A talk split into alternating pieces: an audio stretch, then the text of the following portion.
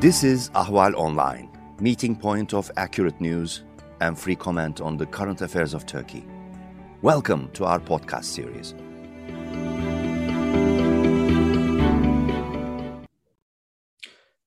Good morning. My name is Nicholas Morgan. I'm an editor at Ahval News, and this is Turkey Abroad. Joining me back today is Hamid Reza Azizi. He is a visiting fellow at the German Institute for International and Security Affairs. Hamid, thank you for taking the time to return to Turkey abroad. Thank you very much for inviting me. It's uh, nice to be here again. I, so why I wanted to speak to you today is because there's a topic going on that's really caught my attention, and that's been the tension in the southern Caucasus between Azerbaijan and Iran, where we've seen a number of large military exercises going going on recently. There was a pair of exercises between Turkey, Azerbaijan, and Pakistan earlier in September, followed by a number of military exercises by Iran on near the border with Azerbaijan, and that really seemed to unsettle the, the government in Baku. And there's also been this really heightened rhetoric between the two sides lately. And what I really want to ask first is what do you say is behind this recent sense of hostility between the two of them? Um, yeah, actually, as you mentioned, uh, there have been a series of developments in the region, uh, some of them uh, more directly, some less directly related to Iran and Azerbaijan. Um, some people refer to this, uh, you know, uh, recent case of Azerbaijan levying taxes on Iranian drivers going through uh, the recently uh, you know retaken territories toward Armenia as the source of the tension. Some others uh, mentioned the as as uh, you also uh, briefly mentioned this as well. some others see the recent actually military drills, military exercises between Azerbaijan, Turkey, and the others as the main cause of the problem. But I think basically we need to uh, look a little bit uh, back and uh, you know uh, trace uh, the roots of the problem, the current problems between Iran and Azerbaijan. In the immediate, I mean, during and in the immediate aftermath of the recent war in Karabakh, because since then, actually, although Iran officially took sides with Azerbaijan and supported Azerbaijani Uh, campaign in retaking, uh, uh, you know, uh, territories uh, from Armenia, and especially in uh, Karabakh and mm-hmm. other places. but from even even then, there were there were these discussions on the Iranian side that Iran should be kind of careful about the geopolitical implications of uh, of uh, Azerbaijan's campaign in terms of, for example, uh, cutting Iran's direct access to Armenia, I mean, land access to Armenia, and also the presence of other actors like Turkey, like Israel, um, so this is how the situation was seen at the time, and uh, the current situation. I mean, uh, speaking uh, uh, Uh, uh, uh, as uh, somebody who knows the Iranian perspective maybe better than the other side, I would say this is still how Iran sees the situation. So, on the one hand, Iran sees that as a result of the current war in Karabakh, uh, although it actually, as I said, although it officially took side with Azerbaijan, uh, the Azerbaijani side uh, seems not to be really willing to uh, take into account Iranian considerations, both security considerations in terms of, for example, what Iran calls uh, active Israeli presence in the South Caucasus, and also Iran's uh, economic interests, or better to say, expectations, because Iran wanted to, you know, be rewarded, let's say, uh, with, uh, for example, uh, some some deals or some better to say some role in the reconstruction of the recently retaken territories. But then it just woke up to the reality that you know on the one hand Turkey is getting actually the whole share in, in, the economic activities in the post-war uh, Azerbaijan, and on the other hand, uh, Azerbaijan seems even more than before reliant on, uh, on Israel. Uh, for its uh, security needs and military needs. So the combination of these factors created this situation, this uh, increasing threat perception, I would say, on the Iranian side, uh, that resulted in uh, the current, you know, tense atmosphere, I would say. And do you think that there's a genuine risk that the two sides can be brought into military conflict?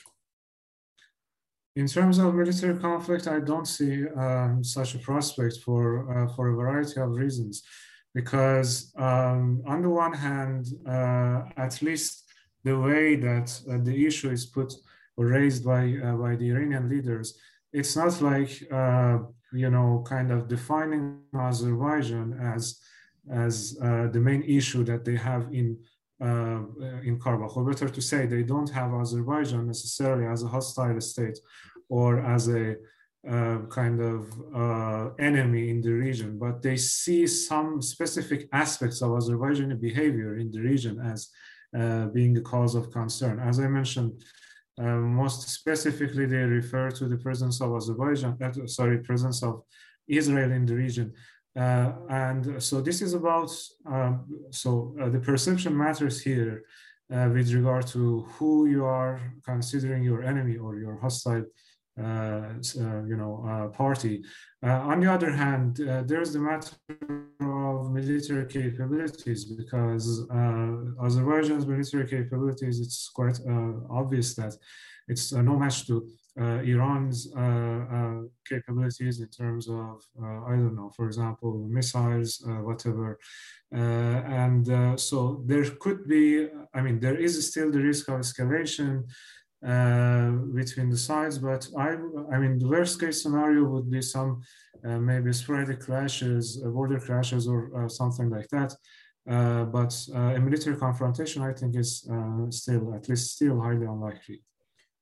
You t- you touched on some of these in, in your your first answer before, but I, I would like to hear more from you on what Iran's concerns might be in in the post-war relationship between Turkey and Azerbaijan, because of course, in the aftermath of the war, Turkey, as you also mentioned, has taken on the lion's share of the economic reconstruction projects in Karabakh. And on top of it, too, it it has its mm-hmm. political capital is political stock rather is probably at its highest right now in Baku, given all of the diplomatic and military support it provided during that uh, conflict and then of course um, there, i've seen i've seen some analysis that were suggesting that iran was feel it was not happy with the it was in september there was a three a three nation military exercise between turkey azerbaijan and pakistan which at least turkey has been trying to play up as sort of a emerging block of its own in some ways but um, on top of it too turkey is is still at the end of the day Azerbaijan's closest partner ter- politically and militarily. So how how would you say Iran is feeling about that relationship right now in the post-war situation?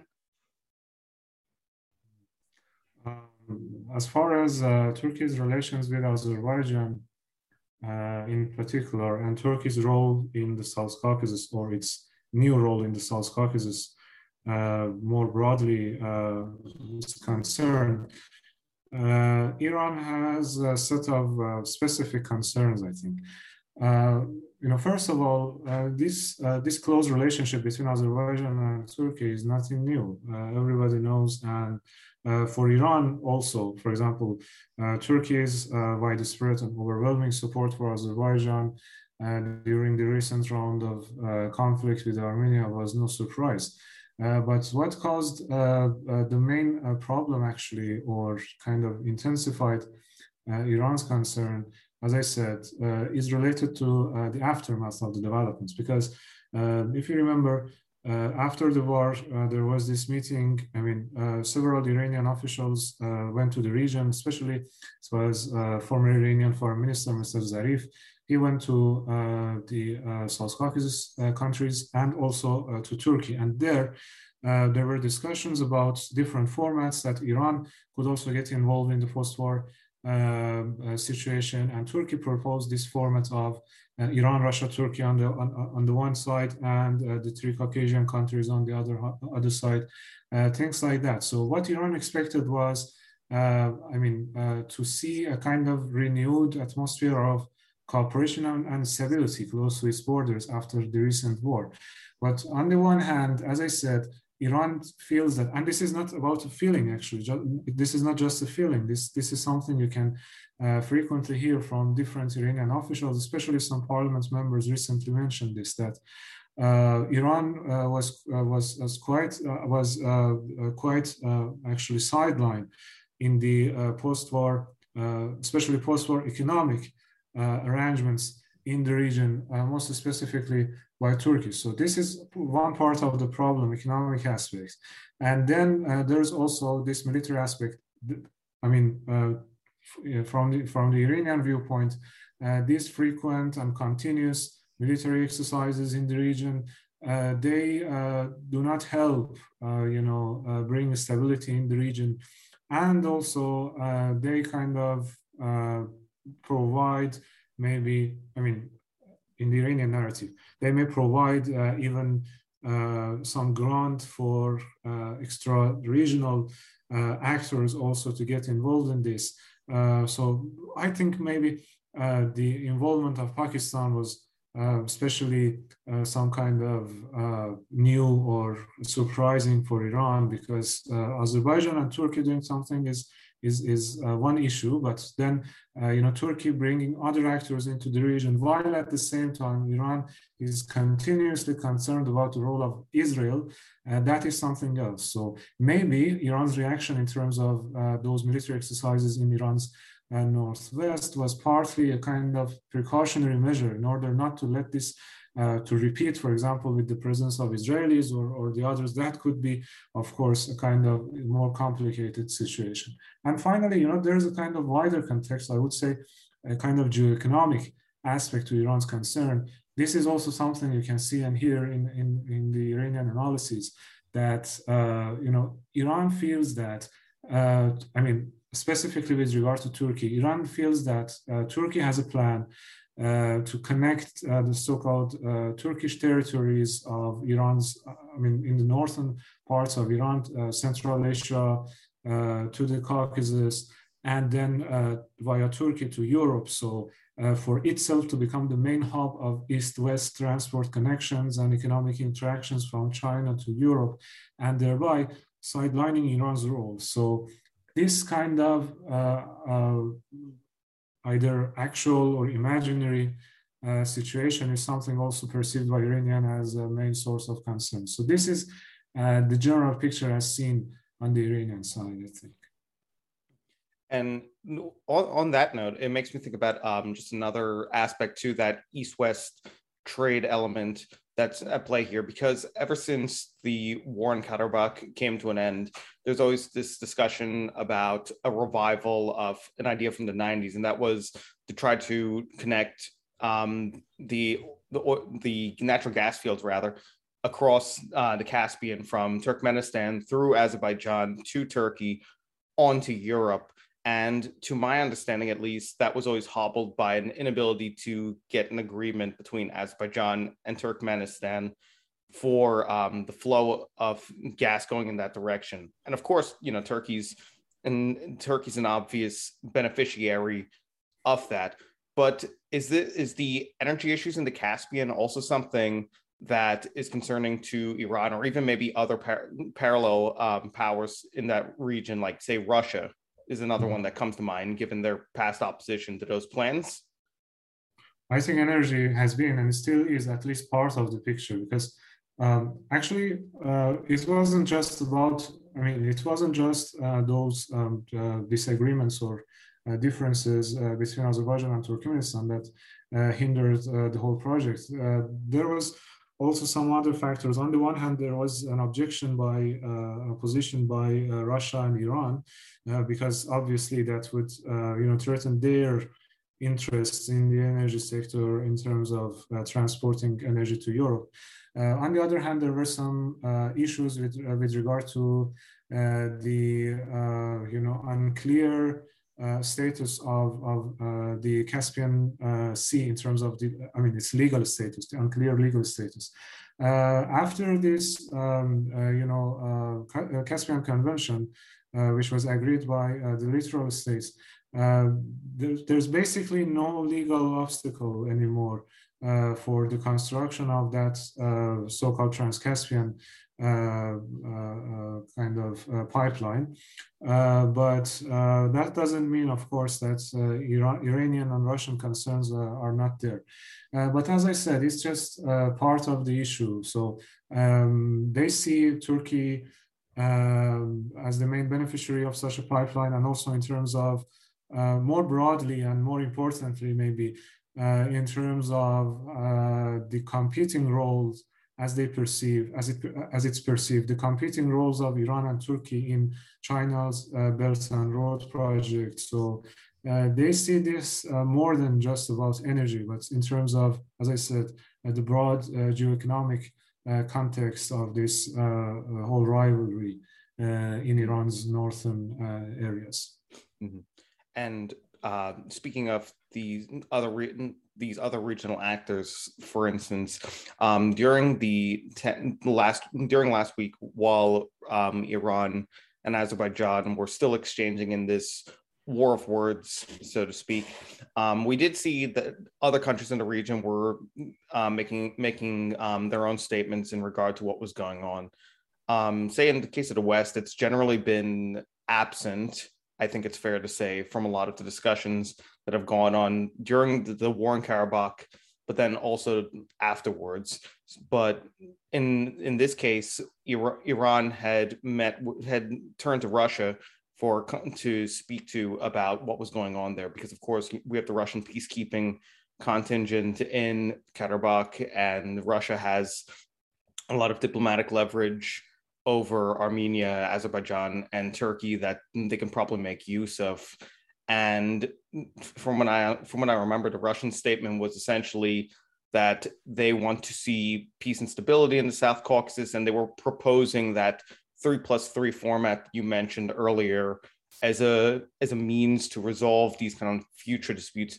But of but there I also noticed in some of the at least the English language Iranian media that there was interactions between Armenia and um, Iran during the week as well, including uh, affirmation of affirmation of a few deals, including one of them that seemed related to the trucker issue, and that was um, trying to set up a new transport agreement into our for trade with Armenia, and a reaffirmation of their relationship. But what do you what do you think about um, Iran turning to Russia in this instance, and then also um, its outreach with, say, Armenia here. Do you think that? Uh, what, what do you think about that? Rather, I'll just stop there.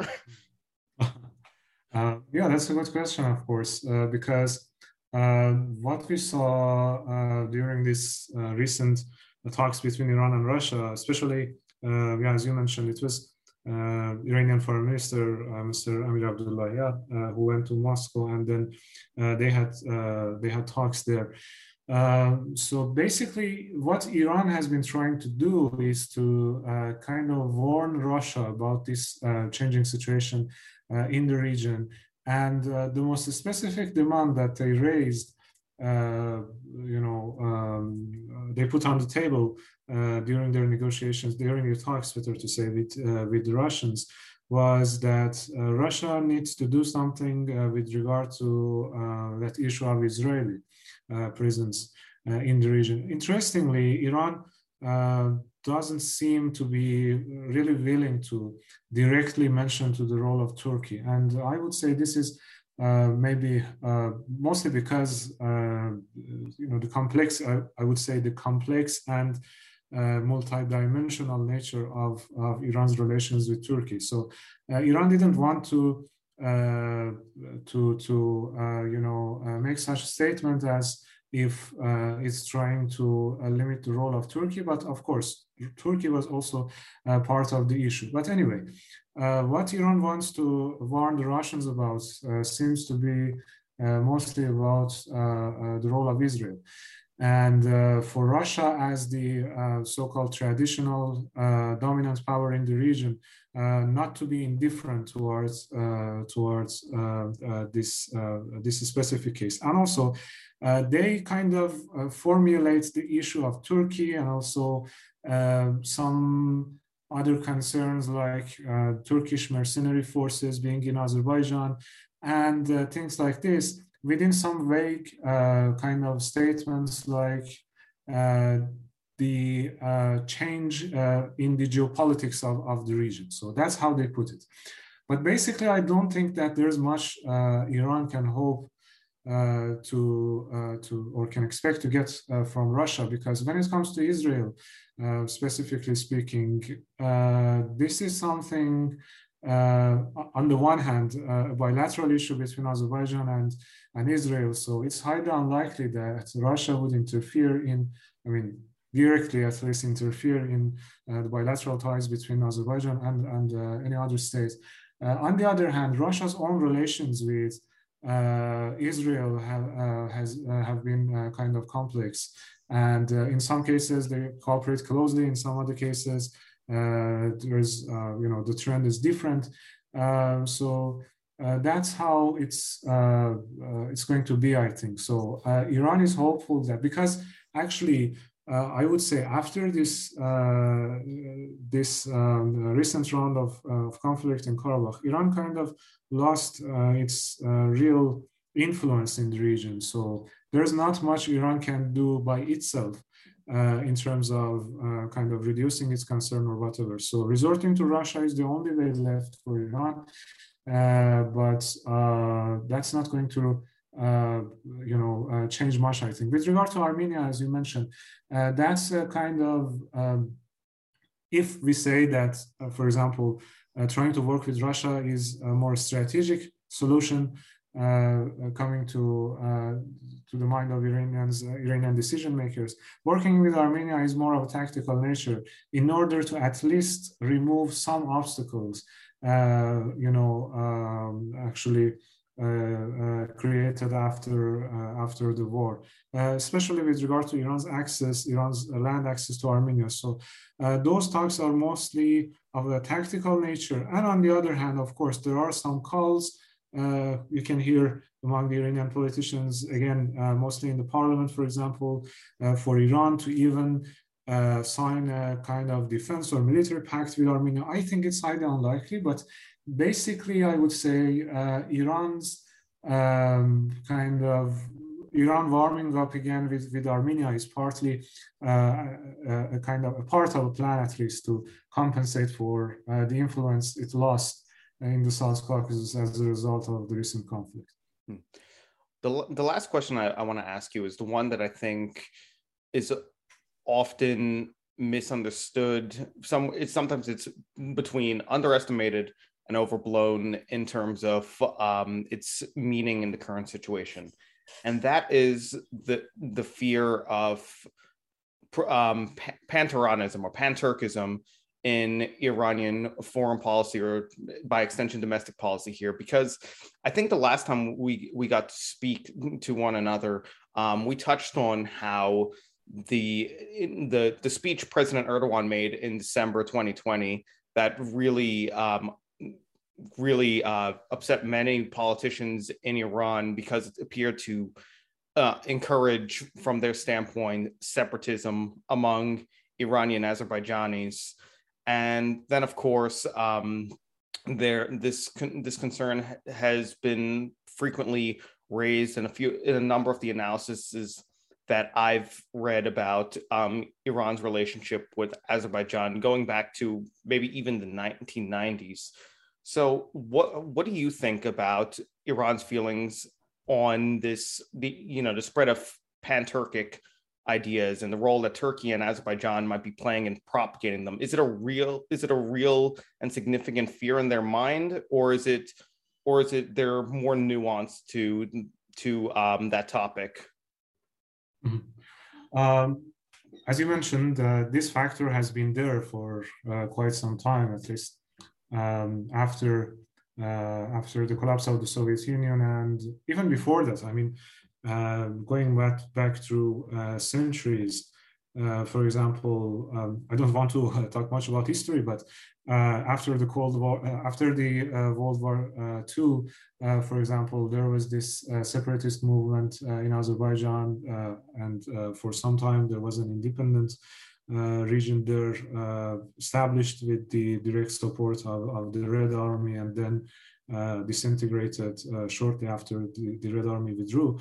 Uh, so um, I just mentioned this historical um, evidence that to, to, mention that um, in the Iranian perspective, I mean, at least how it's perceived officially in Iran, um, the this um, issue of separatism in general, and in this case, uh, pan-Turkism or whatever uh, we call it, uh, it's not an issue in itself, but it's something that uh, throughout history is manipulated by, by uh, foreigners, but by uh, other uh, either regional or, or great powers in order to uh, kind of um, harm Iranian interests. So that is how it's how it's perceived. So from this point of view, if, if we look at the issue, of course, uh, during this recent round of conflict in Karabakh, as we discussed before, uh, that was also part of uh, Iran's calculation. And, and even now,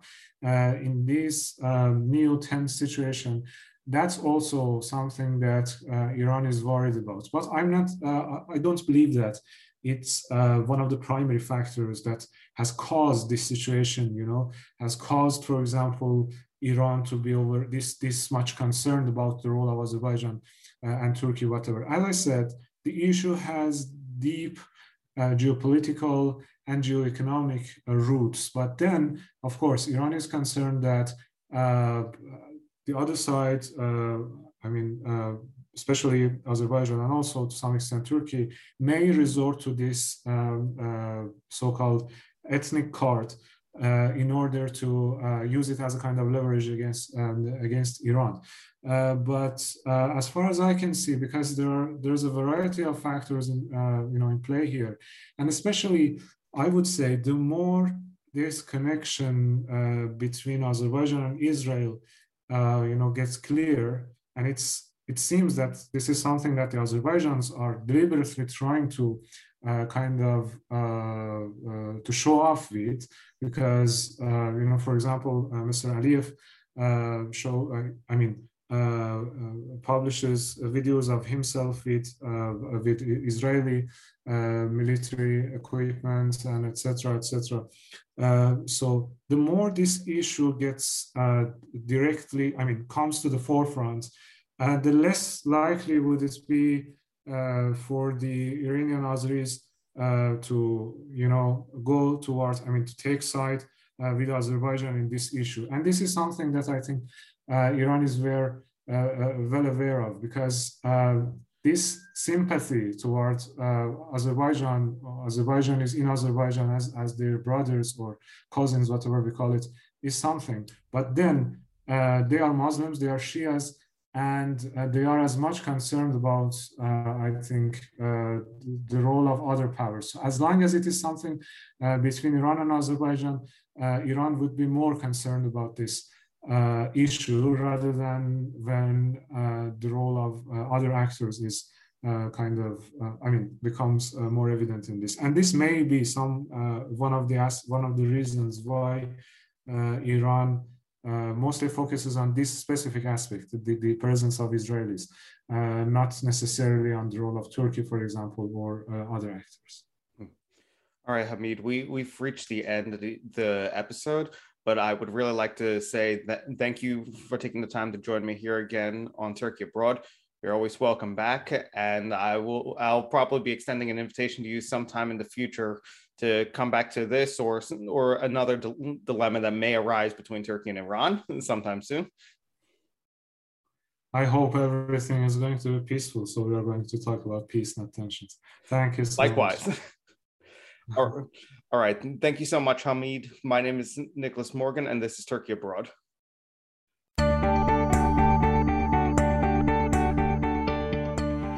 You can follow Ahval News Online podcast series through Apple Podcasts, Spotify, YouTube, Google Podcasts, SoundCloud, and Spreaker. All you need to know about Turkey is here for your ears, mind, and attention. Thank you for listening to our podcast.